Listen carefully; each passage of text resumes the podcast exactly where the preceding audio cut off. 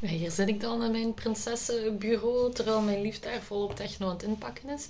Ehm, ja, ik heb net een, een, een, post geschreven over eh, zelfzorg. Waarom ik dat zo eng vind, je kunt dat op je gemak lezen.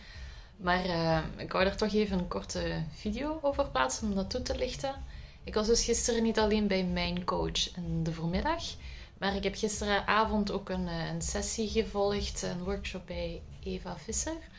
Ehm, die mij heel toevallig of niet toevallig weer op hetzelfde wees als uh, mijn coach dat deed. Hoe, dat, hoe belangrijk het is om uh, met liefde voor jezelf te handelen. En dat klinkt heel fluffy. En ik merk dat ik er zelf niet veel woorden voor heb. Waarschijnlijk omdat er ook geen woorden voor zijn, omdat het meer een gevoel is. Um, ik even moeten nadenken over hoe ik dit verwoord.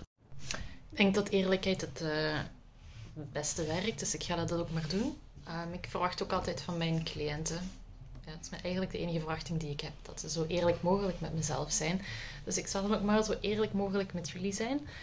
En um,